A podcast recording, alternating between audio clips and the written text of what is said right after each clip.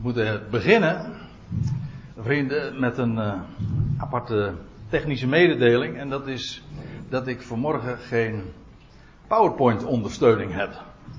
Dat komt door een technische fout, een domme fout, helemaal te wijten aan de persoon die u nu ziet hier. Ja, ik heb vanmorgen het bestandje op een sticky gezet. Tenminste, dat dacht ik en dat bleek alleen maar een snelkoppeling te wezen.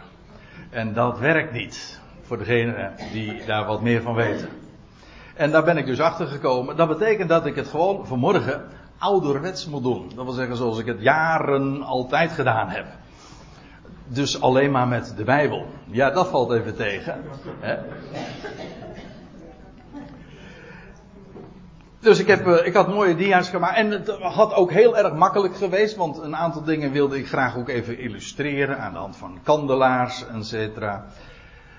En bijvoorbeeld de titel. Want ik wilde vanmorgen u eens bepalen bij het thema midwinter en Chanukka. En die combinatie, beide feesten, want midwinter is van origine inderdaad al ver voor kerst bestond, was een feest, namelijk het feest van de zonnewende.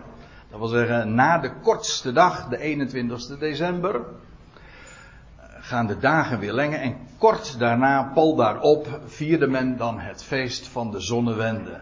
Midden in de winter, de duisternis mag dan heel dik zijn in de wereld. Het is koud, het is donker en alles troosteloos en zonder leven, ogenschijnlijk.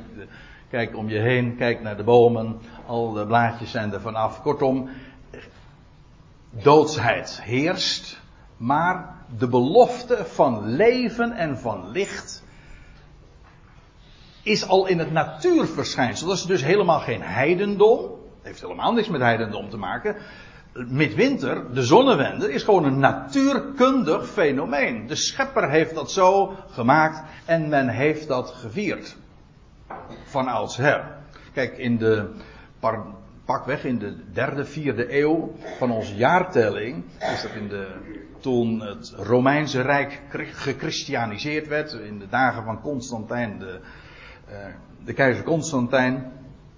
En toen ja, toen is ook het feest gekerstend. Dat is een aardig woord in dit verband. Dat wil zeggen, het is gechristianiseerd. Het is christelijk gemaakt. En men heeft het gekoppeld, om allerlei andere redenen, eh, aan de geboorte van Jezus. En dat is precies ook wat kerst dan eh, geacht wordt te zijn, namelijk het geboortefeest van Jezus. En ik moet u zeggen, daar heeft het, mijn zinziens, weer helemaal niets mee te maken. Dus wat men vierde, namelijk de, het midwinter, de, de zonnewende, dat was heel bijbels. Zonder, bijbels is misschien niet eens het goede woord. Want het was, het was niet zo dat men dat vierde omdat het in de Bijbel stond. Die kende men helemaal niet eens. Men had alleen maar het licht van de schepping. Maar dat verstond men. Want er, is een, er gaat een sprake van de schepping uit. En zoals dat in Psalm 19 al staat, van de hemelen vertellen Gods eer. En, en al die sterrenbeelden, zoals men dat van oudsher ook altijd onderscheiden. Wij, wij, wij weten dat niet meer, we hebben er helemaal geen verstand meer van. We kijken ook nauwelijks meer naar de sterrenhemel, alles is ook kunstlicht tegenwoordig. Dus we hebben er weinig feeling meer mee. Maar van ouds herkende men die. Die verschijnselen van de zon en de maan en de getijden. Van eb en vloed. Maar ook van de, van de sterrenbeelden waar wat stond en wanneer weer iets opkwam. Daar had, had men ongelooflijk veel kennis van. Maar dat niet alleen. Maar men wist ook van de betekenissen. Daar was een sterrenbeeld de maag. Daar begon het allemaal mee. En het eindigde dan met een, het sterrenbeeld de leeuw. Ja, daar, daar, gaat een geweldige sprake van uit. En daar zitten trouwens nog 46 sterrenbeelden tussen. Ja, ja. En daar staat gewoon het hele evangelie in. Dat is, een, dat is een thema waar we het nog maar eens een keertje over moeten gaan hebben, want dat is zo geweldig mooi. Hoe de hemelen Gods eer vertellen. De hemelen spreken niet van u en mij, maar van Hem. En van zijn plan. En dat het evangelie in de sterren staat geschreven, het is echt waar hoor. Het is echt waar. Afijn, men vierde dus het midwinter en dat is in de derde, vierde eeuw is dat gechristianiseerd, gekerstend en gekoppeld aan het feest van, of aan de, geboorte van Jezus. Maar we hebben bij een andere gelegenheid, dat is alweer jaren geleden, ook wel eens hier eraan gedacht. Dat er veel meer redenen zijn om aan te nemen dat Jezus, het is schaars, de gegevens zijn schaars, dat geef ik direct toe. Maar dat Jezus geboren is op een hoogtijdag van Gods kalender. Ik denk dat er alle reden is om aan te nemen. Ik ga dat nu niet toelichten. Dat hij ooit is geboren een paar dagen voor Pesach. Toen het lam in huis genomen moest worden, de tiende Nisan. Afijn, dat heeft dus niks met kerst te maken, dat is juist in het voorjaar. Zodat ik altijd wat iets dubbels heb met het kerst. Eigenlijk spreek ik ook veel liever over midwinter.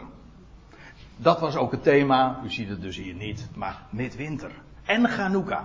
Want ik ga u vanmorgen eens meenemen, allemaal dus gewoon puur nu even vanuit de Bijbel en niet met diaatjes en plaatjes, maar gewoon lees met mij mee. Ik ga u meenemen naar Johannes 10. Niet naar Lucas 2. Nee, niet naar, ook niet naar Matthäus 1, ook niet naar Jezaja 9. Nee, naar Johannes 10. En als u mij vraagt, is er geen Bijbelgedeelte wat zo van toepassing is op de dag van vandaag, als juist dat Bijbelgedeelte. Wat spreekt, het is, het is vandaag de 25 december, dat was u niet ontgaan, maar weet u ook dat het vandaag op de Joodse, of zo u wilt, de Hebreeuwse kalender, ook een feestdag is. Vandaag is het 25 Kislev. Dat is de negende maand op de Joodse kalender, Kislev. En op de 25ste van die maand, u weet, de, dat, dat kun je niet direct altijd koppelen aan de 25ste december hoor. Want de Hebreeuwse kalender is een maankalender en wij hebben een zonkalender. Hun kalender is gebaseerd op de maan, de nieuwe maan. Een nieuwe maan is altijd een nieuwe maand ook. Bij ons niet. Afijn. Die 25e Kislev, dat valt ergens in de maand december. Meestal. Soms november. Maar meestal in de maand december. In ieder geval in de winter. En als u nu naar Johannes 10 gaat met mij, dan leest u in vers 22 dit. Toen, toen kwam het vernieuwingsfeest te Jeruzalem. Het was winter. Hey, het vernieuwingsfeest. En dat is precies het feest wat vandaag gevierd wordt in het Jodendom. Trouwens, niet alleen vandaag, acht dagen lang. Vandaag is eigenlijk de eerste dag van dat feest. Het beroemde. Nee, Chanukka-feest. Chanukka, of in het Jodendom wordt het ook heel dikwijls genoemd. Chanukka betekent trouwens de inwijding. Eigenlijk is het de herinwijding van de tempel. En het wordt ook genoemd, de Joden noemen dat zelf meestal het uh, Gak Haor. Dat wil zeggen, Gak betekent feest en Haor betekent het licht. Feest van het licht. Dat is eigenaardig. Dat betekent dus dat als hier staat in Johannes 10 vers 22 en het was en het werd vernieuwingsfeest. Het feest van de vernieuwing, het feest namelijk van de vernieuwing, de herinwijding van de tempel dan is dat het Chanukka-feest. Oftewel, het is het feest, het Gak Haor, het feest van het licht. Jezus vierde in zijn dagen, jaarlijks, het feest van het licht in de winter. En dat was geen kerst. Eigenaardig hè, om eraan te denken dat Jezus hier, zoals hier ook staat, hij was in Jeruzalem en het was het vernieuwingsfeest, het Chanukka feest. Dan moet ik even iets bijzeggen of, en ook vertellen over de achtergrond van dat feest. Want zojuist hadden we het even over, over dat midwinter, dat van oudsher in de hele wereld midwinter gevierd wordt, het feest van de zonnewende. Maar nu uh, hebben we het even over het Chanukka-feest. Dat ook de Joden hun feest van het licht hadden. Alleen, dat heeft een andere oorsprong. En dat, dan moet je teruggaan in, het, uh, in de geschiedenis. En in de dagen dat hier dit is opgetekend, in de eerste eeuw van onze jaartelling, was dat ongeveer anderhalve eeuw daarvoor. Had je, was het uh, Joodse land eigenlijk helemaal vertreden. En door, uh, door de Hellenisten. Nou ja, ik zal u de details besparen. En toen was daar een, een, een verschrikkelijk figuur aan het bewind. Een Antiochus Epiphanes. En die maakte het zo bond door de hele tempel uh, te ontwijden. Zo ging hij, juist ook om de Joden te tergen en hun God te tergen, ging hij op hun altaar varkens offeren. Nou, als er iets afschuwelijks is voor een Jood om eraan te denken dat een varken geofferd werd, maar dat deed hij dus. Hij heeft ook geprobeerd om een, een, een beeld van Zeus in de tempel te plaatsen, de, de grot van de Grieken. Een enorme ontwijding van de tempel. En toen was daar een familie de, van de hoge priesters en een ene Judas. En hij heeft de naam gekregen Judas de Maccabeer. Een, Macca, een, een, Maccabi, dat is voor Joden nog steeds een, een begrip. Ja, je hebt uh, bier, uh, je hebt een voetbalclub die, die zo heet, nu nog steeds in Israël. En de Maccabeer, eigenlijk het woordje Maccabeer betekent hamer. In ieder geval, die, die Judas de Maccabeer, die heeft een opstand georganiseerd. Eigenlijk een soort van guerrilla-oorlog, maar hij, dat was allemaal om de tempel te bevrijden. En dat heeft hij ook gedaan. Zeer succesvol trouwens. En drie jaar nadat uh, die Antiochus Epiphanes de tempel had ontwijd, afschuwelijk, drie jaar later is de tempel weer bevrijd en toen kon de dienst weer beginnen. Nou ja, de dienst, uh, de tempel moest wel eerst gereinigd worden. En ook ritueel dus weer geschikt gemaakt worden, zodat de eredienst weer kon aanvangen. Er waren allemaal bepalingen voor en dat moest stipt gebeuren. En een van de dingen die toen gebeurde, en daar ontleent het feest ook zijn naam aan, en het was een, dat was een, wonder, een wonderlijk fenomeen wat toen heeft plaatsgevonden. Want in de tempel heb je, ja, in het heiligdom heb je een kandelaar staan. De menorah. Een zesarmige kandelaar, nou, nou ja, zeven. Dat hangt er een beetje vanaf. Nee, eigenlijk is het een zesarmige kandelaar. Dat wil zeggen, hij heeft zes armen en een stam. Maar het zijn zeven lichtjes dus. Heb u hem? Ja. Het zijn gewoon zeven lichtjes. Dat is de menorah. Ik vind dat wordt al van in, uh, beschreven in de, als, als de tabernakel wordt voorgegeven aan Israël. Daar moest een, een menorah staan, zo'n kandelaar in het heilige. En de hoge priester zou die dagelijks verzorgen.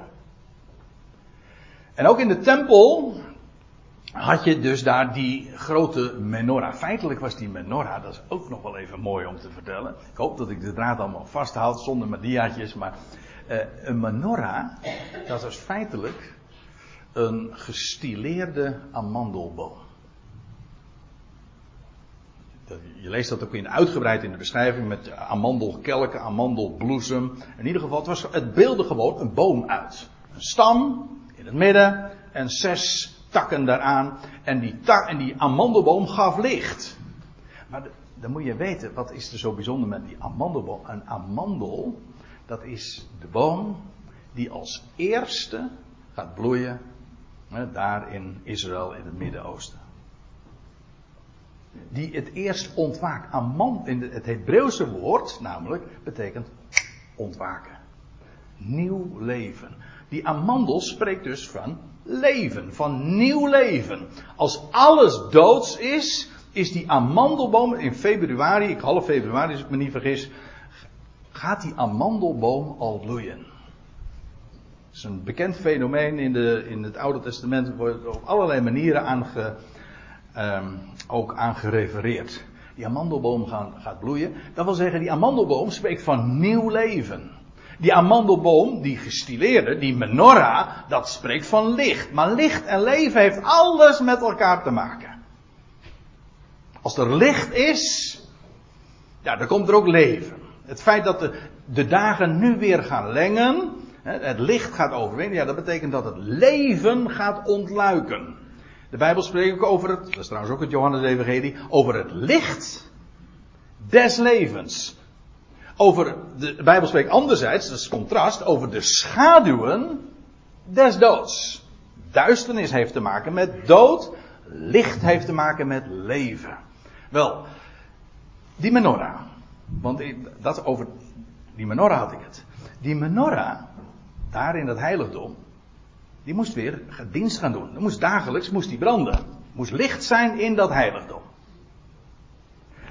Probleem was alleen, er was geen geschikte olie voor die menorah. Want ja, die tempel was uh, jarenlang ontwijd geweest.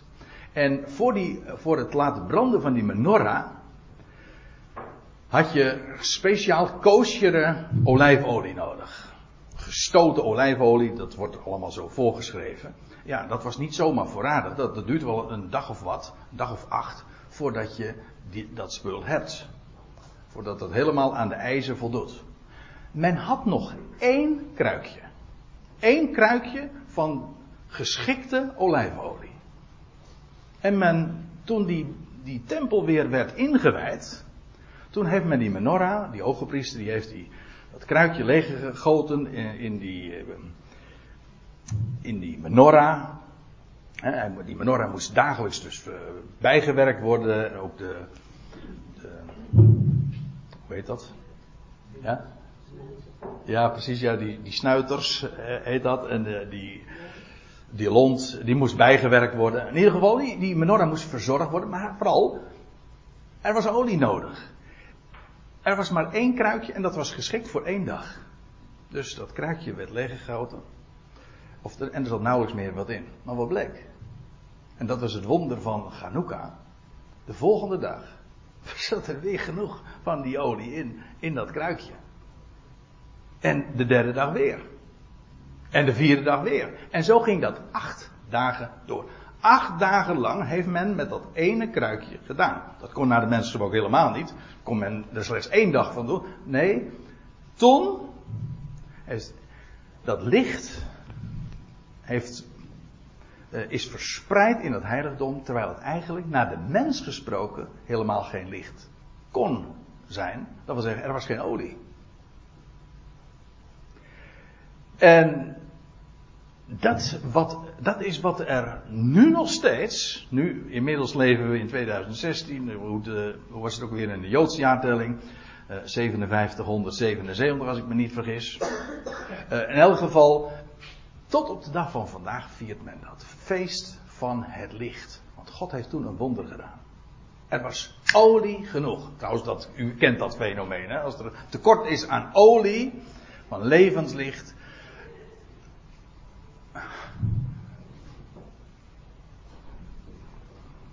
dan voorziet God. En dat heeft hij toen gedaan. Er was dus licht in het heiligdom. Op een wonderbaarlijke wijze heeft God toen voorzien. En dat is Chanukka. Als we in Johannes 10, vers 22 lezen. Het was het vernieuwingsfeest te Jeruzalem. Dan moet u zich realiseren, al anderhalve eeuw, toen, in Jezus' dagen, werd dat feest gevierd. Het feest dat de tempel weer opnieuw werd ingewijd. En dat daar licht was in het heiligdom. En dat God daar op een wonderbaarlijke wijze in voorzien heeft. En olijfolie, een menorah, een amandelboom. Het heeft allemaal te maken met leven en met licht. Het heeft ook allemaal te maken trouwens met een nieuw begin. Wat dacht u van het feit dat het acht dagen zijn? Dat zegt u misschien niet zoveel, maar als je Hebreeuws denkt en kijkt, Dan weet je, acht dagen, aha. dat, is, dat is weer een hele. Na zeven krijg je een nieuwe reeks weer. Een nieuw begin. En wat dacht je wat? Een Joods jongetje wordt besneden op de achtste dag. En nou ga ik iets omstreden zeggen, maar ik geloof dat, dat de Heer Jezus Christus opstond, daags, nou dat is niet omstreden, dat staat er gewoon, daags na de Sabbat, dat wil zeggen op de achtste dag. Afijn, altijd die acht heeft te maken met een nieuw begin, met nieuw leven. Zodat, als we vandaag, 25 december, feest vieren, dan hebben we daar, hebben we daar dubbel reden toe. Het heeft niets te maken met Jezus' geboorte. Nou ja, niets. Dat is natuurlijk ook onzin. Want, als ik het zo zeg, want als Jezus niet geboren was, dan had, dit, uh, had dat natuurlijk nooit aan de orde geweest. Maar het is, wij vieren niet zijn geboortedag of zo. Daar zit, dat, daar zit zoveel fantasie en dat is, dat is toch wel dat is stuitend. Maar daar hebben we het nu even niet over. We gaan, ik ben niet anti-kerst, daar gaat het me niet om. Maar er is dubbel reden, dat wil ik u laten zien. Er is een dubbele reden om vandaag juist te denken aan het licht dat sterker is dan de duisternis. In de eerste plaats vanwege de tijd van het jaar, maar bovendien ook gewoon puur om bijbelse gronden, omdat ook Israël, en we lezen daarvan in de schrift, haar feest van het licht heeft. In de winter. Licht en leven. Ik vind het eigenlijk ook eigenaardig. De attributen die wij hebben, waardoor dit feest gevierd wordt, die, die zijn ook altijd daaraan gerelateerd. En dan hebben we het nogmaals niet over het kerststalletje, maar over de oorspronkelijke beelden. We, denken aan een, een boom alle bomen, kijk, kijk gewoon hier uit het raam, zijn kaal. Er is één type boom die nog wel groen is.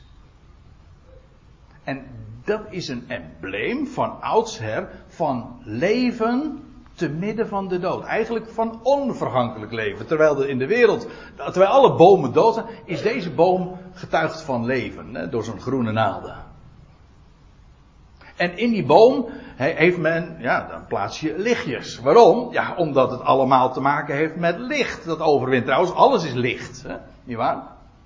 Dat is het meest karakteristieke van deze tijd. Ja, het feit dat het licht, terwijl de duisternis nog zo uh, heerst in de wereld, breekt het licht door. En ja, dat vieren we. Daar is alle reden voor om te vieren. En trouwens, het heeft dan ook weer alles te maken met uh, met leven. Trouwens, als ik zeg licht, dan denk ik ook aan, het, aan de. waar we allemaal van dromen, toch? I'm dreaming of. White, ja. Christmas. Ja, waarom? Omdat, omdat die sneeuw ook weer licht symboliseert. Alles is zwart en donker, maar daarom droom ik. Denk je graag aan, aan dat wat licht geeft. En wat vrucht voortbrengt. Vandaar ook dat we die vruchten in, in zo'n zo'n boom hangen. Van die, van die ballen. Dat, zijn, dat symboliseren natuurlijk gewoon vruchten. Ik weet, er zijn hele tirades tegen gehouden. En ze dat is heidens. En dan denk ik van, heidens? Heidens? Het is, het is, het getuigt juist van kennis van zaken. Dat oh nou ik moet er meteen bij zeggen, dat 99,9% van de mensen er geen idee meer van heeft, dat is wat anders. Het is trouwens ook gecorrumpeerd door juist allerlei onbijbelse gedachten. Maar daarom, daarom komen we hier op deze 25 december gewoon bij elkaar. En we denken, en we doen het woord open, we laten het licht schijnen. En dan worden, dan worden we erbij bepaald dat juist nu, midden in de winter, er een feest van het licht gevierd wordt. In de wereld, jazeker, maar ook van origine al. Israël heeft zo'n feest van het licht. Gak Haor. En dan heb er is trouwens nog iets uh, eigenaardigs. Daar had ik ook een plaatje van. Maar goed, dat kan ik u dus ook niet laten zien. Want bekend is de menorah. Met die met die zeven lichten. Maar je hebt ook een Chanukka-kandelaar. En die heeft dan weer. Ja, dat, die heeft acht licht. Nou, negen. Hm? Maar in ieder geval acht armen dan. Dat is een beetje ingewikkeld om het zo te zeggen. Maar u begrijpt wat ik bedoel. En zo'n Chanukka-kandelaar, die herinnert ja, eh, aan, aan die acht dagen. En dan viert men de eerste dag, doet men de eerste, uh, in het Jodendom, de eerste, de eerste arm laat men branden en de tweede dag een tweede lichtje branden en zo, enzovoort, tot de achtste dag aan toe. En dat is Chanukka. Acht. Het herinnert dus aan, aan leven, aan, aan vernieuwing en het herinnert aan, aan de acht. En in al die opzichten gaat daar ook weer een sprake van uit en het verwijst. Ja, hoe kan het ook anders? Ik, ik hoop dat ik dat in ieder geval al inmiddels duidelijk gemaakt heb. Het verwijst uiteraard naar Hem. Die leven aan het licht heeft gebracht. Die in de wereld kwam. Die licht liet schijnen. God had trouwens van. Maar zo is het altijd al geweest. Hè? Je leest het in het begin van het Johannesevangelie. Dat in het begin was het woord. God heeft vanaf het begin gesproken. Alle dingen zijn door het woord geworden. God sprak en het was er. En het leven, en er staat erbij, in het woord was leven en het leven was het licht van de mensen. Gods woord, omdat God gesproken heeft, en dan mag de wereld duister zijn, maar omdat God gesproken heeft, heb je licht. En dat is zo enorm kostbaar. Nou, we hadden het er al eerder over hebben we er zojuist over gezongen. Hè, dat ja, als je gewoon afgaat op je eigen zintuigen, op je gevoel en op je ervaringen, dan is er duisternis. Maar als je dit, dit kent, zijn woord, dan heb je licht en dan komt daar vrede voor in de plaats. En hoop. En ja, waarom? Omdat het spreekt van licht en leven. Het licht des levens van zijn opstanding uit de dood van een nieuw begin. En nou ga ik nog even terug. Want ja, ik ben nog maar bij die eerste zin. Johannes 10, vers 22. Toen kwam het vernieuwingsfeest. Te Jeruzalem staat er. Het was winter. En er staat erbij. En Jezus wandelde in de tempel. Aha. Dat feest was begonnen. En Jezus, waar bevond hij zich? In de tempel, in het heiligdom. Feitelijk is, spreekt dat ook van de tegenwoordige tijd. Zijn tegenwoordige positie. Waar is Christus vandaag? In het, in het heiligdom, maar dan bedoel dan wijs ik naar boven. Naar het, in het hemels heiligdom. Daar brandt het licht. Kijk, in de wereld is het duister. In de wereld, het is winter, jawel. Maar in het heiligdom, daar spreekt Ganouka van. In het heiligdom, bij God, inderdaad, dat is in de wereld niet zichtbaar, maar bij God, in het heiligdom, is er licht. Wonderbaarlijk, het kan naar de mens gesproken niet, maar God heeft dat zo toebereid en gegeven. Nou, het spreekt dus inderdaad van de zoon van David, die vandaag daarboven is. In het heiligdom. Hij, hij zelf is dat licht. Het levende licht of het licht des levens. En ik zei de zoon van David, dan moet u eens even meelezen. Want er staat erbij. Toen kwam het vernieuwingsfeest, Jeruzalem, het was winter. En Jezus wandelde in de tempel in de zuilengang van Salomo. Salomo, de zoon van David, de vredevorst, toch? Die zuilengangen waren allemaal pilaren, waren eigenlijk allemaal opgerichte tekenen en blemen en ze verwezen naar, gewoon vanwege hun naam dus al, ze verwezen naar de zoon van David. Waar is die zoon van David? Waar is die vredevorst? Dat is de grote vraag trouwens in de wereld ook. Het antwoord is, hij is verborgen. In het heiligdom, daar valt ook helemaal niks te zien. En als u nou denkt dat er dus iets niet goed gaat, of als u dan denkt Zoals men algemeen trouwens de conclusie trekt van nou, God doet niks, dus dan moeten wij maar aan de slag gaan. Om wat God nalaat, moeten wij dan maar gaan doen. En de ellende is dat je dan geen feest overhoudt. Want als het van de mens afhangt, dat is juist de duisternis. De duisternis is juist dat je iedere keer merkt van ja, jongens, als, we, als het toch, als we ons optimisme moeten ontlenen aan ons kunnen, aan ons vernuft en ons, dat wat wij produceren, dan zinkt de moed in de schoenen. Licht en feest en leven en opgewektheid en hoop is er enkel en alleen doordat Hij zijn woord heeft laten schijnen. En ja, zijn woord schijnt, want dat woord is licht. Daarom. En in dat heiligdom vandaag is er licht. Het licht van Salomo, ja. Daar is hij, nu. Het spreekt inderdaad van de tegenwoordige positie. Dus als we het hebben over het feest van het licht, dan denken we niet aan, aan een kindje in de eerste plaats aan een kindje in de kribbe. Dan denken we aan degene die vandaag in het hemelsheiligdom is. De zoon van David. De, de opgewekte. Olie. Acht. De amandelboom. De Christus. En, daar, en dan zeg ik, als ik het nog anders zeg, feitelijk is dat wat kerst ook is. Hè? Kerst is Christ. Christus. Maar wat is Christus? Of beter, wie is Christus? Dan is de opgewekte. De opgewekte zoon van David, die vandaag verborgen is. En feitelijk gaat het daar ook over. Want als je dan doorleest, hè,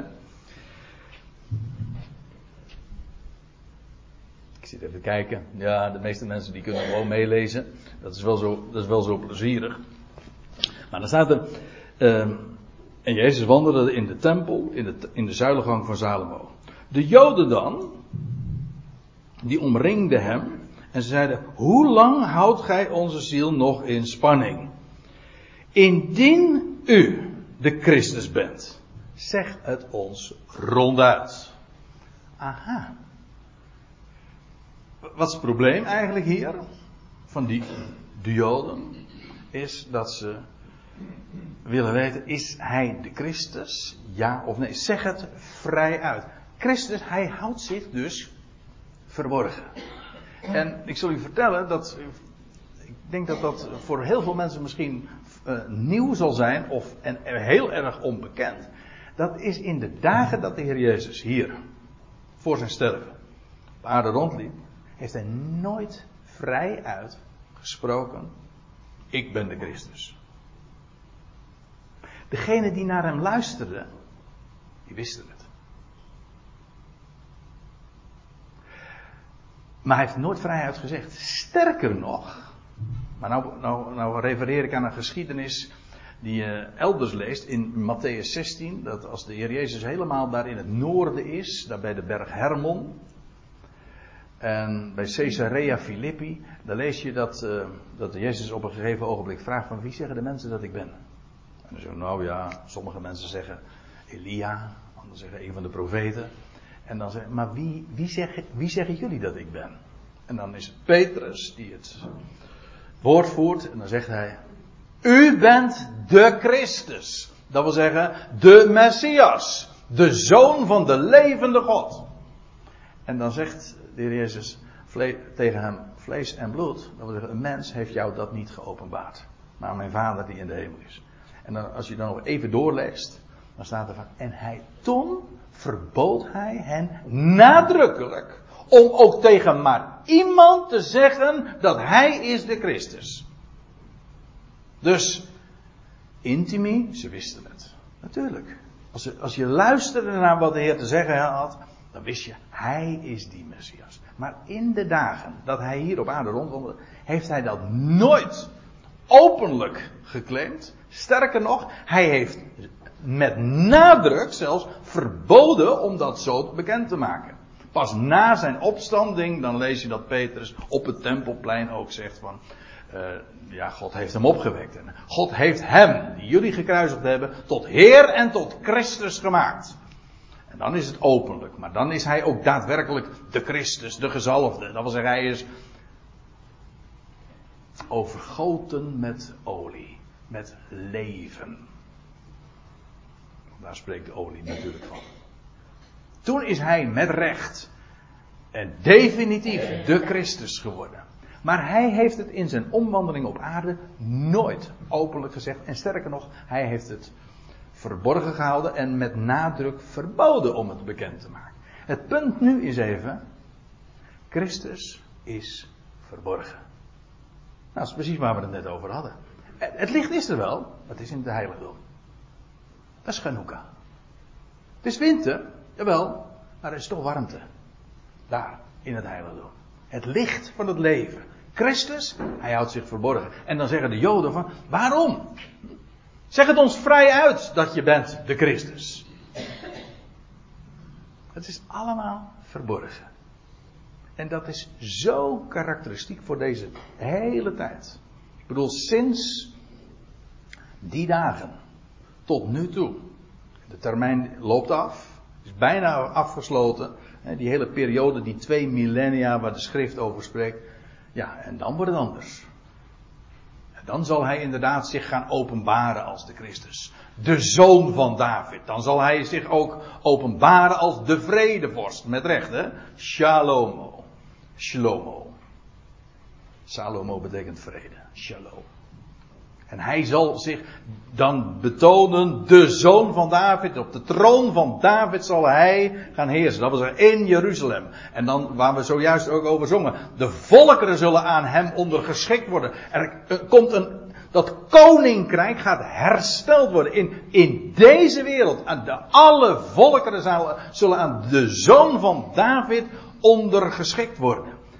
Een Israëlitisch koninkrijk. Dat is waar de schrift van spreekt. En de vraag is, waar is die dan? Want de Messias, en dat is precies ook het probleem van het Jodendom tot op de dag van vandaag. Als de Christus er is, wat zien we er dan van? Als de Messias er is, waar, waar is die Messiaanse tijd dan? Nou, het antwoord is Hanukkah. Om eventjes in deze sprake en in deze terminologie te blijven? Het antwoord is, dat licht van het leven, dat is in het heiligdom. Hij houdt zich verborgen. Als u nog even doorleest, want zij komen dan met een vraag, het is eigenlijk meer een verwijt. Indien, je, indien jij de Christus bent, zeg het ons vrij uit, zeg het ons in vrijmoedigheid. En dan staat er Jezus antwoorden. Ik heb het u gezegd en gij gelooft het niet. Ah, dat vind ik nou weer zo jammer dat ik geen plaatje heb. Want dat, uh, ik had het woordje het, had ik doorgestreept. Ik heb wel willen laten zien aan de hand van de interlineair. Oh.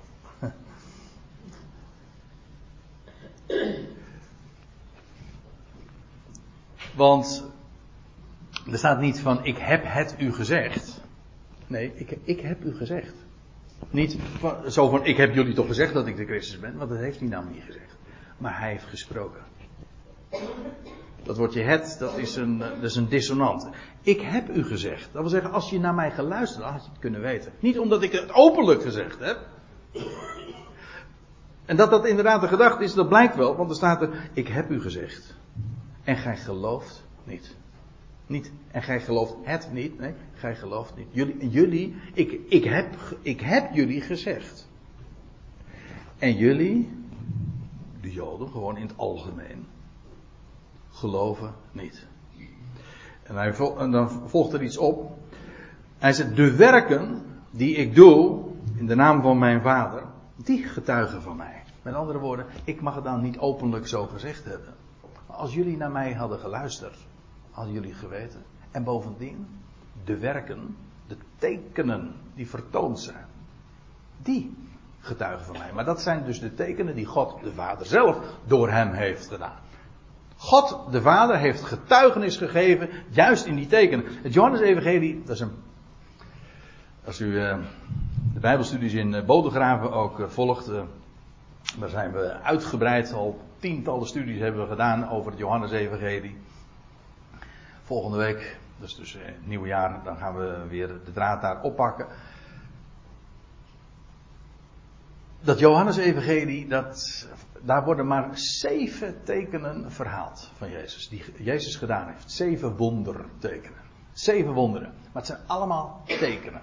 Als u, even, als u zou terugbladeren, hè, het begint, u weet wat het eerste teken was, hè? Wat hij deed.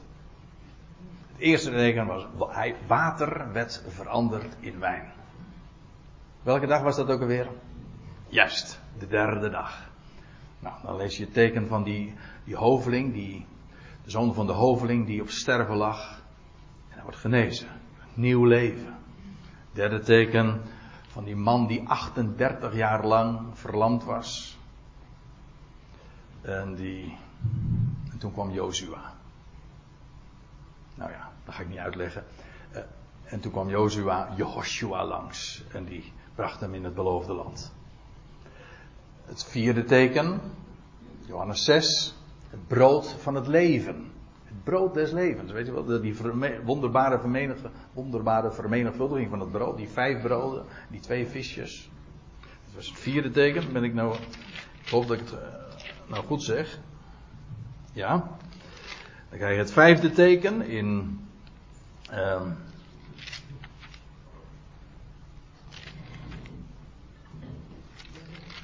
Nou, ben ik even in de war hoor.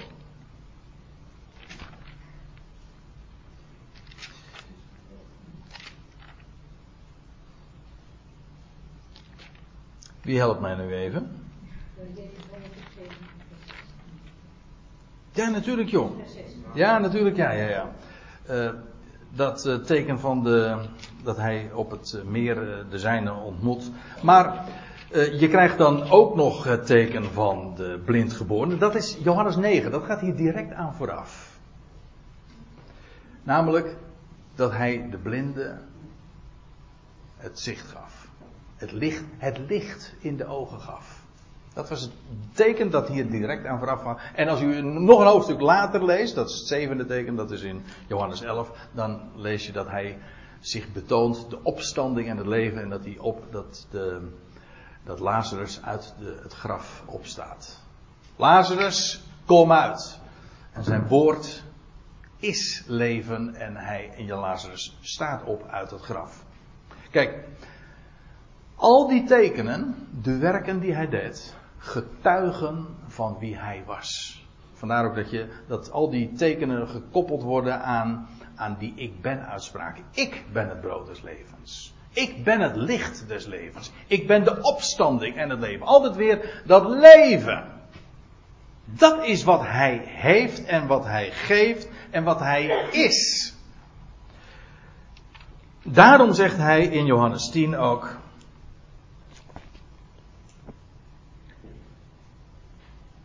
De werken die ik doe in de naam van mijn vader, die getuigen van mij. Maar jullie geloven niet. Omdat jullie niet tot mijn schapen behoren. Mijn, ja, dat is nou, dan zegt hij er iets bij. Hij zegt, mijn schapen, die kennen mijn naam. Want zij horen naar mijn stem.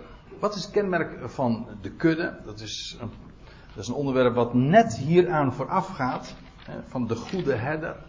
Dat de Heer zegt van. Dat, en dat refereert allemaal weer ook aan schriftplaatsen aan, aan het Oude Testament. Israël is die kudde. Ja. Maar hij zegt: Ik heb ook nog schapen die, die niet van deze stal zijn. En ook die moet ik leiden. En dan zegt hij: Het zal worden één kudde, één herder. Dat heeft, dat heeft zoveel dubbele bodems. Want het spreekt en natuurlijk van de toekomst dat God zijn volk zal verzamelen. En hij, ook het, het, volk dat zich dat verspreid is over al de natieën, dat hij het zal brengen in het land. Maar het spreekt ook van de tegenwoordige tijd.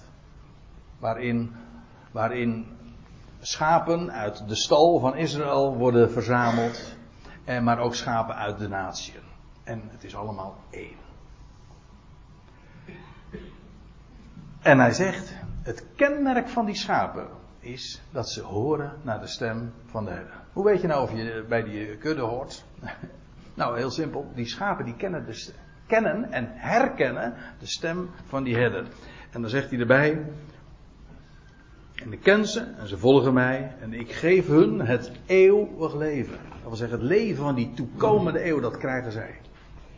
Dat is een heel speciaal voorrecht. Dat gegeven wordt aan degene die vandaag die herder mogen kennen. Weet je, dat is zo onbekend. Ik ben er van de week heel erg uh, ook bij bepaald dat men, spreekt over eeuwig leven. Hm? En, dan, en dan denkt men het leven van de eeuwigheid. Men, ik bedoel, in het algemeen wordt dat zo verteld. Dat leven van die eeuwigheid, hè, van, van dat onvergankelijke leven, dat is het deel van elk mensenkind. Dat is juist het geweldige licht. Dat is, dat is, dat is het goede bericht wat, wat in de hele wereld gepredikt wordt. Dood heeft niet het laatste woord. Elk sterveling, al die miljarden mensen, zij gaan het leven krijgen. Een ieder in zijn rangorde, maar dat feit staat. Dat is zo'n ongekend goed bericht. Heeft dus er helemaal niks mee te maken hoe jij daar tegenover staat. En of je dat nou leuk vindt, of je hiervan houdt. Of je het gehoord hebt. Doet niet ter zake. Dit is zo'n enorme tijding. Het licht van God, dat schijnt. En dat zal elk mens, trouwens dat is Johannes 1 ook. Dat licht dat zal elk mens verlichten. Elk mens, hoor het goed. Degene die vandaag al hem mogen kennen, dat zijn eerstelingen. Die ontvangen een speciaal voorrecht. Ik zou zeggen een bonus. Maar dat, dat, daar zit een beetje de, de sfeer aan. Daar hangt de sfeer om van alsof het een verdienst is. Maar dat is het niet. Het is allemaal een gift. Degenen die vandaag hem mogen kennen, die ontvangen het leven van die toekomende eeuw. Dat is een speciaal voorrecht. Dat is heel uniek. Als je vandaag bij die happy few mag behoren. De happy few, weet u wie dat zijn? Dat zijn degenen die de stem van de herder kennen. Die, die versta, mogen verstaan dat licht van hem. Dat is, is zo'n enorme genade. De boodschap. Het, ik kreeg uh, morgen, uh, gisteren een berichtje door van. En met de vraag van. De genade van God is verschenen. Voor wie eigenlijk? Was de vraag. Het antwoord is aan alle mensen. En degene die die boodschap, dat geweldige bericht, die enorme tijding, namelijk dat de de Gods reddend is verschenen aan alle mensen, degene die het vandaag mogen geloven, ja, die zijn, die zijn heel bevoorrecht. En die gaat God ook inzetten. In de toekomende eeuwen, die krijgen een, een taak een, en een geweldige positie. Maar God heeft het geheel op het oog. En juist dat, dat is het evangelie. En ja, ik zou nog door kunnen lezen. Ik had daar ook nog een paar diaatjes van, maar dat ga ik niet doen. Ik wil, hier, ik wil me beperken even tot deze dingen. Mensen, we zijn zo enorm rijk. Met het kennen van dat licht.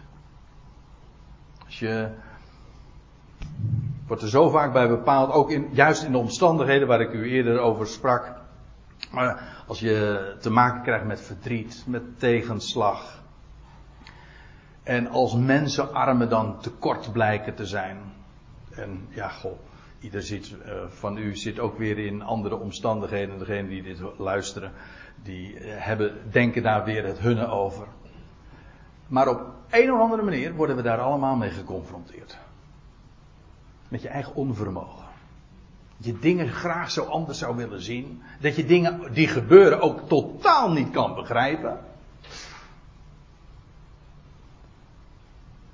En is dat zo erg?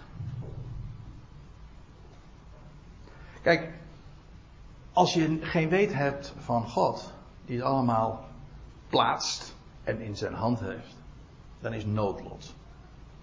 Dan moet je misschien heel desperaat dan zeggen van nou, maar waaien. Maar dat is geen vrede. Dat is geen rust. Dat is geen hoop. Dan schijnt er geen licht in je hart. Dat licht heb je alleen als je hem mag kennen. Als je weet van ja, de grote schepper. Die alles bedacht heeft. Die maakt geen fouten. En dat ik hem niet begrijp, nee. Vind je, heb je er moeite mee? Eerlijk gezegd, persoon, persoonlijk, maar dat is voor ieder misschien weer verschillend. Persoonlijk heb ik er helemaal geen moeite mee. Om, dat, om te aanvaarden dat er dingen zijn die ik niet begrijp. Want ik zal u eerlijk vertellen. Als ik om me heen kijk, en dan heb ik het alleen maar over de natuur, de schepping. Dan denk ik zo vaak. Ik begrijp er niks van. Hoe is het mogelijk? Dus waarom zou ik moeten dingen moeten begrijpen? Ik, nog één dingetje. Uh, dat was, ik las gisteren een column van Joep van het Hek. En die had het over de. Ja, dat, ging over een ventje dat van de week nog wel in het nieuws was. En uh, heel veel van u hebben het wellicht uh, gevolgd. Een ventje van zes jaar, maar dat uh, nog maar heel kort te leven heeft. Maar die heeft nogal wat teweeg gebracht door een actie die op gang had gezet. En Joep van Hek wijde daar ook zo zijn, zijn column over. Hij zei van. dat daar toch een God is die zoiets bedenkt, zoiets afschuwelijks en zo'n ventje dan laat vertrekken. Ik weet niet welke woorden, hij is nooit zo kies in zijn, uh, in zijn woordgebruik. En hij zegt juist, hij zegt, veel gelovigen hebben daar een antwoord op. Zo, dat was wat hij daarover zei. Hij zegt, veel gelovigen hebben er een antwoord op. Hij zegt, ik niet. Toen heb ik naar, stond in het NRC en toen heb ik, eh, ben ik zo staatmoedig geweest om er nog op te reageren. Ik zeg, nou, volgens mij heeft geen ene gelovige daar een antwoord op. Geen één mens en een gelovige ook niet. Enige verschil is dat een gelovige, en een gelovige bedoel ik mee iemand die gelooft, iemand die vertrouwt, die weet, er is er één die wel een antwoord heeft. Denkt u nou werkelijk dat degene die alles gemaakt, dat je, oh, nou zit ik met mijn handen in het haar, nou, ik, hoe moet dit nu verder? Dat is toch absurd. Het vertrouwen, zoals, we, zoals ik dat eerder in dat plaatje liet zien, van een kind, die ook helemaal niks begrijpt. Die legt gewoon de hand, zijn handje, in de hand van papa. Die weet het wel. Die is sterk genoeg. Nou, dat, die houding van ik begrijp het niet, Nee, maar hij wel. Dat is meer dan genoeg. Juist dat is die vrede. Die vrede wordt niet ge gevoed door het feit dat je een antwoord hebt. Die vrede wordt gevoed, heeft zijn basis in de wetenschap en in het besef. Er is er één die het antwoord heeft. En dat geeft rust. Dat geeft vrede. Kijk, en dan heb je licht. En dan heb je inderdaad ook alle reden, midden in de winter, om het feest van het licht te vieren.